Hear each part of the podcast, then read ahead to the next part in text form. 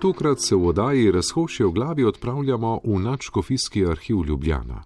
Kot študent petega letnika teologije je tam začel občasno delati Tone Krampač. Na začetku se mu je zdelo delo dolgočasno, a zdaj si po več kot 20 letih kot višji arhivist ne predstavlja svojega življenja brez tega zanimivega dela, brskanja po arhivu in odkrivanja njegovih dragocenosti. Prepričan je, da ima toliko idej, da jih do upokojitve ne bo mogel uresničiti. V oddajo razkošje v glavi ga je povabila Darja Groznik.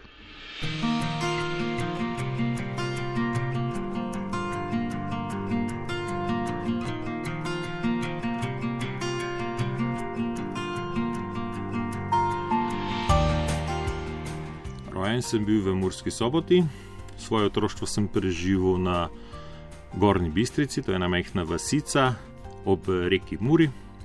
Tam sem uh, bil uh, tretje rojeni, moji starši so bili prej v Avstraliji, jaz sem prvo rojeni v Sloveniji in pol še ena sestra, ki je rojena za mano. Starši so se odselili v Avstralijo v, pač zaradi ekonomskih eh, razlogov v Sloveniji, takrat, takratni Jugoslaviji, ni bilo dela in sta šla praktično najprej ilegalno v Avstrijo, iz Avstrije, prek Morja je zelo blizu Avstrije, iz Avstrije pa pač eh, sta imela možnost ali v Kanado, Ameriko ali pa Avstralijo in sta se odločila za Avstralijo. Ampak prišla sta nazaj. Ja, mama je imela preveliko domotožje. V mami je v tem mestnem obdobju umrl oče, in je zelo pogrešala svoje rodne kraje, in je z tem namenom sta tudi zapustila. Takrat sta že bila moja brat in moja sestra. In eden izmed razlogov je bil, da bo brat začel svoje eh, pač učenje oziroma obiskovanje šole v Sloveniji. Takrat je bil brat tik pred vstopom v osnovno šolo. Najprej sem se šolal v Takrat je še bilo usmerjeno izobraževanje, bil sem naravoslovni matematično usmeritev v Murski soboti, leto in pol. Eh, potem sem se prepisal zaradi razlogov dela na kmetiji na srednjo kmetijsko. Po srednji kmetijski me je podpeljala na fakulteto, najprej na živilsko tehnologijo v Ljubljano, na biotehnično fakulteto, kjer sem naredil prvi letnik eh, fakultete, potem sem se pa z svojih pač razlogov osebnih odločil, da bom nadaljeval študij teologije in pripravništvo, da bi postal duhovnik.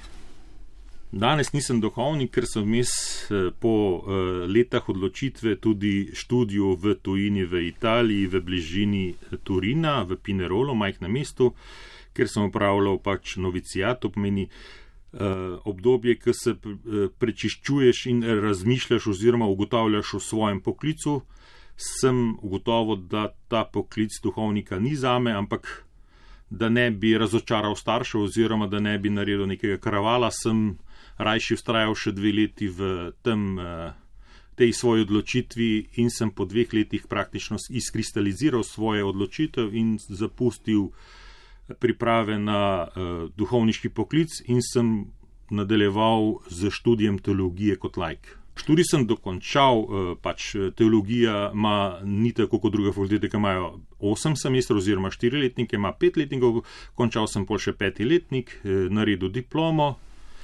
in potem sem se pa zaposlil. Že vmes, praktično, že prej, po tem obdobju, ko sem zapustil priprave za duhovništvo, uh, me je bivši uh, predstojnik poklical k sebi in rekel, če bi lahko prišel med, v času, ko bom študiral, tudi kaj pomagati, uh, da bi si kakšen dinar zaslužil v Načkofijski arhiv. In takrat sem pač začela moja pot v Načkofijskem arhivu. In tam sem tudi danes po 22 letih.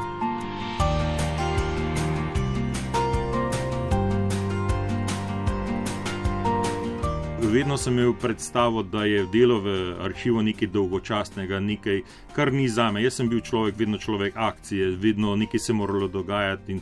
Ko sem razmišljal, da, da bi jaz kdaj v Načkofijskem arhivu delal, to je bilo za me res najpojmovljivo. To je nekaj dolgčasnega, uh, ni za me. No. Brskanje, ja, v tem smislu, ne, tako da praktično sem bil zelo presenečen, ko sem po odblizu spoznal tole eh, delo v Načkofijskem arhivu. Sem praktično videl, da je to res lahko zelo dinamično, zelo zanimiva zadeva. Eh, praktično jaz imam zelo rad neko raziskovalno žilico, ne praktično eno detektivsko, matične knjige so praktično uh, moje polje, ker moja detektivska žilica pride do izraza. Ne. V arhivu me je prevzela predvsem ta starost oziroma to ohranjenost tega gradiva, ki se je stoletja in stoletja ohranilo in ga še lahko danes ga imamo na dosegu roke, praktično v skoraj nespremenljivem eh, stanju. To je nekaj, res nekaj, eh, kar človeka dvigne oziroma eh, mu da misliti ne v dobi eh, digitalizacije, v dobi elektronike, da še vedno ostajajo zadeve najbolj varne, ohranjene na papirju oziroma na, v knjigah. To na kram pač predstavite, prosim, Načkofijski arhiv. Načkofijski arhiv uh, je razdeljen na več delov. Uh, glavna razdelitev je v bistvu nek največji del predstavljajo župnijske arhivi. To je gradivo, ki, so, ki ga hranimo, ni last Načkofijskega arhiva Ljubljana, ampak je last posameznih župi. Pri nas je samo v hrambi in obdelavi in na dosegu, da lahko raziskovalci to gradivo raziskujejo. Potem drugi sklop je škofijski arhiv, to so gradivo, ki je nastalo ob poslovanju škofijskih uradov. Eh, potem ena izmed eh, potem je drugi, tretji sklop, je kapiteljski arhiv. Kapitel to je zvor svetovalcev, ki pomagajo škofu pri vodenju škofije in to je vse gradivo, ki je nastalo v oposlovanju tega posvetovalnega telesa. Hkrati so pa še uh, tukaj različne zbirke, naprimer zbirka listin, zbirka uh, urbarjev, potem je zbirka rokopisna, uh, Potem imamo uh, različne zapuščine, tako duhovnikov, škofov, ki je zelo zanimiva, predvsem uh, z različnimi zgodovinskimi podatki za različne raziskovalce krajev, uh, različnih uh, dogodkov v zgodovini. Kaj je tisto, kar je največja dragocenost načkofijskega arhiva? Za me, uh, ker sem pač. Uh, že tuk časa noter v delu v Načkofijskem arhivu je sigurno so najbolj dragocene matične knjige. Ne. E, kakšen drug, ki mu kakšno drugo gradivo pomeni, mu je nekaj drugega. Ne. Pri nas, naprimer, so zelo dragocene e, antifonarija, krajinska iz 1495. leta, potem je največkrat verjetno e, objavljeno oziroma predstavljeno javnosti tudi moralija in job, to je en rokopis, zelo dragocen, iz nekaj let pred uh, krajskim antifonarjem. Meni se najbolj zatresa roka sigurno pri tej naši najstarejši matični knjigi iz 1582 za župnijo Mengeš, uh, ko lahko praktično brskaš po zadevi, ki je tu klice ohranila in hkrati notor najdeš tudi prve zametke uh, zapisov v slovenskem jeziku. Ne. Takrat je bil uradni jezik latinščina, ampak vse ohranjeni tudi prvi zametki v slovenskem jeziku.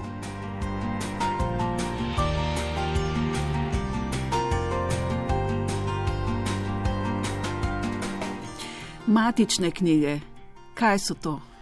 Ja, matične knjige to so zapisi, eh, zapisi o dogodkih v življenju posameznika. Pomeni rojstvo, poroka, smrt. Na ta način tudi delimo matične knjige na rojstne, poročne in mrliške. Eh, Eh, hkrati eh, na začetku so bili pisani v, v obliki povedi, pozneje z reformami Marije Terezije in Jožefa II. so se te formularji spremenili in so jih poznamo tudi še danes v tabelaričnih oziroma v neki eh, tiskanih, tiskana knjiga, v katero se vpisujejo posamezni podatki prej je bilo pa vse v obliki bela prazna knjiga, v kateri so v obliki povedi zapisali posameznega, tako naj bo to rojstvo, krst, poroka ali smrt. Vi ste tudi magistrirali, vaše magistrsko delo ima naslov Cerkvene matične knjige na slovenskem. Ja. Kot zgodovinski vir, kaj ste ugotovili? Ugotovil sem in tudi eh, nekako že naprej sem vedel, kaj približno sem predvideval, kaj bomo ugotovili. To je, da so na področju uh, Slovenije v tistem času ali pa pač do celo zgodovinsko obdobje uporablja različne formularje, v katere oziroma različne zapise teh matičnih dogodkov, kot sem prej omenjal. To pomeni, da so različni, različni vpisni jeziki, originalno bi mogla biti nemščina oziroma najprej latinščina, pol nemščina, ampak na področju primorske se uveljavlja tudi latinščina, na področju prekmorja pa tudi mačarščina. Tako da sem eh, pre, primerjal vse te obrazce, to je bil prvi del moje magistrske naloge, drugi del je bil pa uh, analiza posameznega podatka v matični knjigi. Ne. Tle sem pa z svojim 20-letnim izznanjem, oziroma mal, takrat je bilo še malo manj, 15-letnim izznanjem, uh, Eh, oziroma izkušnjami eh, v, na področju matičnih knjig poskušal vsak podatek v matični knjigi osvetliti oziroma razložiti z različnimi citati, eh, ga posodobiti oziroma predstaviti posamezniku. Ne.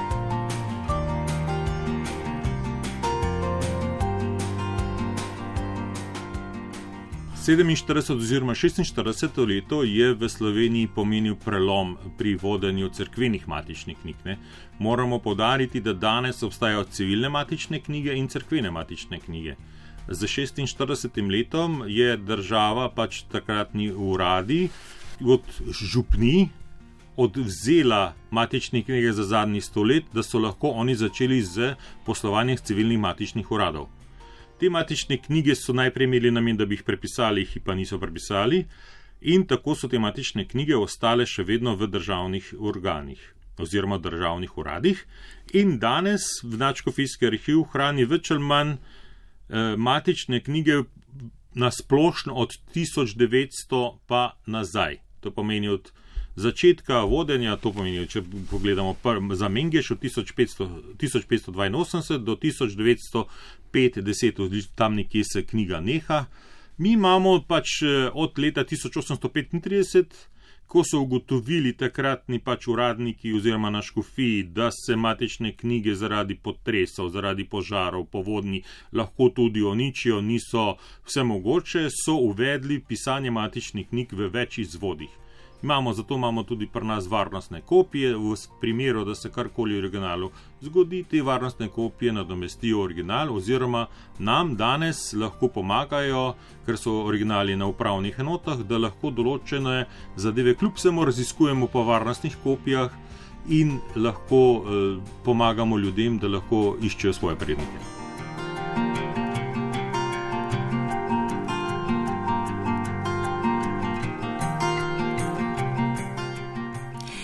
'Ljudje iščejo svoje korenine, delajo družinska drevesa. Kako jim vi lahko pomagate? Mi, pri vseh teh, ki se obrnejo na nas, najprej prosimo, da si poskrbijo podatke, ki so zanesljivi. To pomeni, če oni imajo nek podatek, da je neka oseba bila rojena pred 1920, lahko ta podatek skupaj preverimo pridemo tako daleč z temi preverjanjem v teh varnostnih kopijah, da lahko oni v originalu normalno brskajo sami samostojno uh, in iščejo svoje prednike, izpisujejo, tudi fotografirajo posamezen vpis, tako da si lahko naredijo svoj rodovnik. Ampak branje teh podatkov najbrž ni enostavno. Za branje teh podatkov je potrebna neka predznanje, predvsem je to znanje nemščine, latinščine. Še en velik problem se pojavlja na krajskem področju, eh, predvsem to je gotica, to je nemški uh, rokopis, ki je nekako različen od latinice in brez tega znanja teh stvari je zelo težko iskati po matičnih knjigah. Obstajajo tečaji, mi smo do pred te krize, ki se zdaj pojavlja, organizirali vsako letno jeseni in spomladi tečaj branja gotice, kjer so se lahko uh, ljudje oziroma interesenti, ki jih to zanimalo, od blizu spoznali z gotico, z branjem, tudi z latinico. Praktično pripravljali smo imeli in še imamo, še vedno, ko se bodo stvari normalizirale, bomo zopet uh, začeli z nadaljevanjem teh tečajev. To nekram pač kaj vi opažate, ali se ljudje če dalje pogosteje lotevajo izdelave družinskih dreves? Ja, izdelava družinskih dreves je porastu praktično od začetkov mojega uh, prihoda v Načkofijski arhiv. Vsakem letom se zadeve, tudi število uh, dopisov oziroma vprašanj, ki jih dobimo vsako leto, povečuje, hkrati se pa vsako leto povečuje tudi obisk v našem arhivu. Mi na, smo najbolj obiskan eh, arhiv v Republiki Sloveniji. Na leto pri nas naredijo stranke okrog 3000 obiskov, različnih posameznikov letno je pa čez 800. Aha. In kako izgleda tak obisk? Se je treba prej najaviti, dobiš bele rokavice? Ja, za obisk se je potrebno najaviti na različne načine. Se lahko najavi. Dokler ni bilo korone, so lahko prišli v Načkofijski arhiv, se nobenili z eh, službojočim oziroma dežurnim v spremni čitalnici za termin obiska. Lahko ga, eh, so ga po telefonu se najavili, lahko so tudi preko e-maila. Dan in pol, ko dobijo termin, pridejo zjutraj, hkrati jih opozorimo, da, lahko, eh, da morajo imeti sabo, če bodo brskali, zdaj tega brskanja po originalih je če dalje manj, ker se pač eh, v teku digitalizacija, ampak eh, potrebno, če bodo brskali po fizičnih knjigah, so potrebne rokavice, ki jih lahko, bombažne rokavice, ki jih lahko prenesejo sabo, lahko jih pa dobijo tudi pri nas za neko simbolno, praktično ni nekega zneska, ampak nek simbolni prispevek in s temi rokavicami pol dobijo tri enote matičnih knjig ali pa pač drugega gradiva, katerega si zaželijo in ga lahko pregledujejo. Imajo na možnost vsak dan eh, dvakratno menjavo gradiva, to pomeni ob desetih in ob dvanajstih lahko gradivo zamenjamo in prenesemo drugo, to pomeni na dan lahko pregledajo devet enot matičnih knjig ali pa drugega arhivskega gradiva. Kaj še odkrivajo matične knjige, ali ponujajo še kakšne druge podatke, razen faktografije, kdaj je bil kdo rojen, kje, ali so duhovniki tudi mogoče kaj pribeležili. Poleg je, teh podatkov. Poleg teh podatkov v matičnih knjigah ni veliko takih eh, zabeležk, bolj eh, ne vem, iz mojih izkušenj lahko povem, da so določene knjige včasih, predvsem pri nezakonskih otrocih, so župniki z svinčnikom zapisali domnevnega očeta. To pomeni, ali je župnik sam e, zvedel, ali mu je mati otroka povedala. Več takih zanimivih stvari se pojavlja v drugih knjigah, ki so prav tako pomembne za raziskovanje svojih prednikov, to so statusi animarmi ali družinske knjige tle je pa zelo veliko takih delikatnih, osebnih eh, zgodb zapisanih. Lahko, naprimer, zelo veliko krat so župniki te zaznambe, eh, zgodbice oziroma zabeležke pisali v latinskem jeziku, da če je knjiga slučajno prišla v roke nekemu eh, profanemu človeku ni znal razbrati. Ne. Ena taka oznaka je Meretrix, ne. to v latinščini pomeni vlačuga oziroma konkubina. In v tistem času so vse ženske, ki so imele nezakonske otroke, veljale pržupniku za Meretrix. In jih je napisal v knjigi Meretrix. Ne. Potem notar slečate, naprimer, jaz kakšnih pet let nazaj, mogoče malo več, je prišel k enemu možakar k meni, pa me vprašal, ali lahko to prebereš, kaj to piše. Ne? In je pisalo incest. Ne? To pomeni, tudi take zadeve so noter. Ne? In je lepo pisalo, že hčerka je bila uh, noseča, je šla v Ameriko, tam rodila otroka in se vrnila. In zraven napisan incest. Ne vem, jaz vedno, ko pridejo ljudje k meni na obisk, uh, jim vedno predstavim eno zelo zanimivo zgodbico z ene obrobne župnije eh, Češnice pri Blagovici, kjer je župnik v eni vasi opisal cel dogodek, kaj se je dogajalo eh, med Mašo, verjetno je zvedel to od eh, vaških čenč ali pa od kogarkoli mu je prišel povedati, ne, je napisal, to je bilo leta tam 1870, ki je zapisal, v čas prve svete Maše se je takrat tej hosti in tej hosti sta se dobila zakonski možta in tale in sta bila v zasačenu prešuškvo od lasne žene, od tega in tega. Ne. To so take niso glih cukrčki, da bi rekel, ampak to take zaznambe, ki jih srečamo tudi v teh eh, družinskih knjigah, ali pa naprimer zelo veliko je zaznamb o tem, da je bil nekdo pijanec, da je zakartal celo uh, domačijo, da je šel v Ameriko, prišel nazaj in To so tele zgodbe, ki so jih župniki zapisovali. Zato tudi ti statusi nemarami niso tako dosegljivi, eh, kot so matične knjige, ker je tle res zelo veliko, predvsem v tem novejšem času je tega manj, ampak prej je bilo pa kar veliko teh osebnih eh, karakteristik z posameznega eh, vernika oziroma lahko rečemo prebivalca neke določene župnije.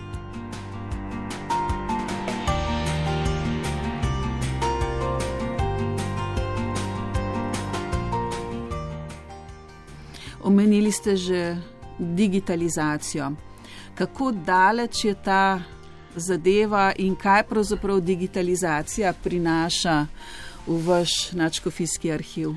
Digitalizacija glede matičnih knjig je v zaključni fazi. To pomeni, mi imamo več kot 95% matičnih knjig že digitaliziranih, pripravljeni, da bodo v nekega dne tudi dosegljivi na spletu. Drugače, drugega gradiva je bistveno manj digitaliziranega, saj se prednostno posvečamo digitalizaciji. Digitalizacija prinaša eno kar nekaj stvari, ne? hkrati odzema ta čar, ta čarobnost iskanja po originalih, eh, dihanja z knjigami občutkov. Hkrati pa omogoča posameznim eh, raziskovalcem, da bodo na lažji, dostopnejši način prišli do podatkov, eh, ki bodo lahko zbrani na enem mestu, pomeni, ne bo omejitve tri enote na dve uri, ampak bo omejitev 300 župni v trenutku lahko brskaš, če si sposoben, da lahko vse naenkrat brskaš. Pomeni, lahko skačemo iz ene domene na drugo domeno, ne da bi pri tem imeli kakšne omejitve. Imate vi še kakšne ideje za vaše delo? Jaz idej imam zelo veliko. Ne. Glavno, pri nas je zdaj končujem z popisom oziroma vodnikom po družinskih knjigah. To bo moj drugi vodnik, prvi vodnik je po matičnih knjigah, tega le nadgrajujem. Vodnik po družinskih knjigah bo pa unikum, saj želim pripraviti vodnik, kjer bo na enem mestu zbrano vse o posamezni knjigi, pomeni knjiga bo oštevilčena po straneh, hkrati bodo vse te latinske, nemške izrazi vsi poslovenjeni v slovenski obliki. In eh, to bo za raziskovalca zelo veliko pomoč, saj mu ne bo treba iskati najprej, kako se je kakšna vas nekoč zapisala v kakšnem drugem jeziku, hkrati pa bo lahko preko družinskih knjig videl, eh, koliko teh gradiva je pri nas. Napisali ste veliko člankov, strokovnih publikacij, knjig, eh, katero bi izpostavili? Ena izmed takih je sigurno ta vodnik po matičnih knjigah, čeprav je tole bolj tehnični vidik, saj so notor zbrane le številke, zelo malo je, nekaj je tudi v opombah, predvsem večjega pomena pa sigurno Zigurno za me je sigurno ti popisi prebivalstva iz 1754, ki smo jih eh, začeli objavljati pri približno desetimi leti, dvanajstimi leti, eh, ko smo začeli z objavo vseh teh popisov najprej za Gorensko, potem za Ljubljano, Notransko, zdaj se pripravljata še dva, eden za ostanek, ker je ostal v naši škofiji, pa nekaj je tudi v, na Koroškem. Zakaj so se pravzaprav lotili teh popisov daleč v preteklosti na tem slovenskem območju? To je prvi popis prebivalstva na slovenskem, ki ga je uzakonila cesarica Marija Terezija z namenom, da dobi podatke za naborne okraje, hkrati pa tudi to so nekako zametki prvih davčnih uh, zadev za posamezne eh, župnije oziroma kraje. Na osnovi teh podatkov je pol Marija Terezija lahko začela uvajati svoje različne reforme.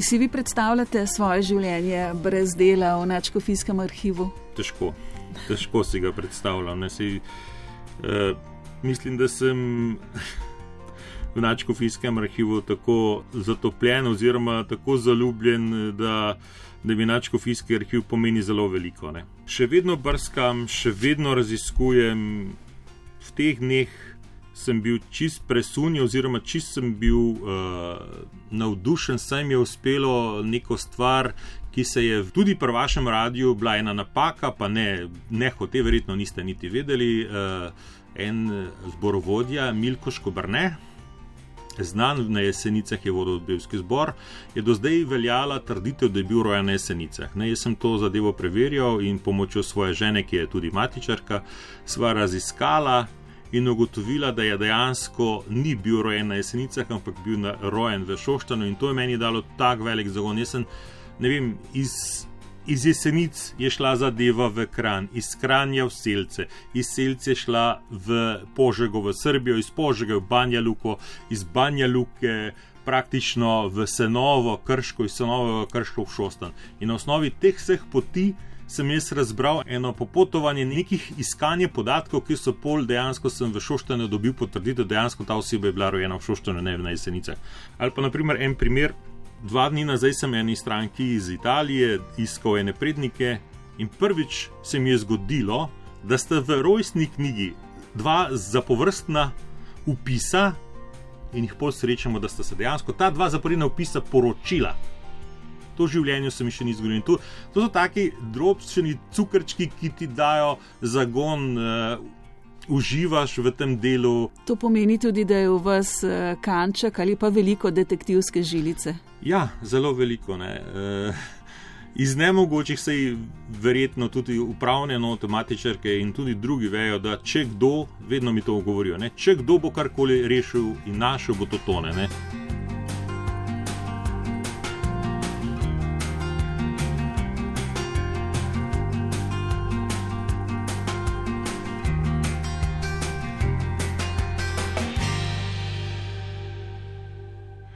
Gost odaje Razkošje v glavi je bil arhivist Tone Krampač.